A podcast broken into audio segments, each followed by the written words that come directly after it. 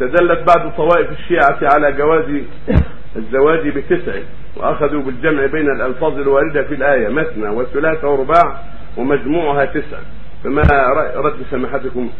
الرافضة قولهم لا لا يلتفت إليه وهكذا من شد غيرهم وقال بالتسع كل قول مرفوع عند أهل العلم وليس له نصيب من الصحة. والذي عليه أهل العلم وهو كالإجماع منهم أنه لا يجوز ابدا إلا أربع فقط. وأما التسع خاصه بالنبي عليه الصلاة والسلام والرافضة لهم زلات كثيرة وأخطاء كثيرة وكثير منهم يبيح نكاح المتعه وهو محرم بالنص من الرسول صلى الله عليه وسلم وباجماع أهل السنة. نكاح المتعه محرم عند أهل السنة والجماعة وبالنص من الرسول صلى الله عليه وسلم. فإنه لما حرم المتعه قال فإن الله قد حرم إلى يوم القيامة. وكثير من الرافضة أن يحل المتعه وربما تمتع بها وهي عند زوج ولا حول ولا قوة المقصود أن نكاح المتعه هو أن ينكحها على مدة شهرين أو ثلاثة أو أربع وقياسين معلوم يمكنه من نفسها على شهرين أو ثلاثة بدون ولي بدون شهود هذا من ابطل الباطل هذا اخو الزنا نسأل الله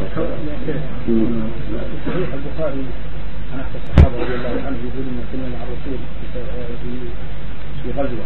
وطالت علينا العزبه فجماعه بركتي فلم يأذن ما معنى هذا؟ يعني اباح له نكاح المتعه اول ثم نسخ. المتعه كان مباح في أول الإسلام. ثم نسخه الله في آخر الإسلام وحرم. فمباح لهم يتزوجون نكاح المتعه شهرين ثلاثة أربعة اشهر ثم نسخ هذا وحرمه الله إلى يوم القيامة.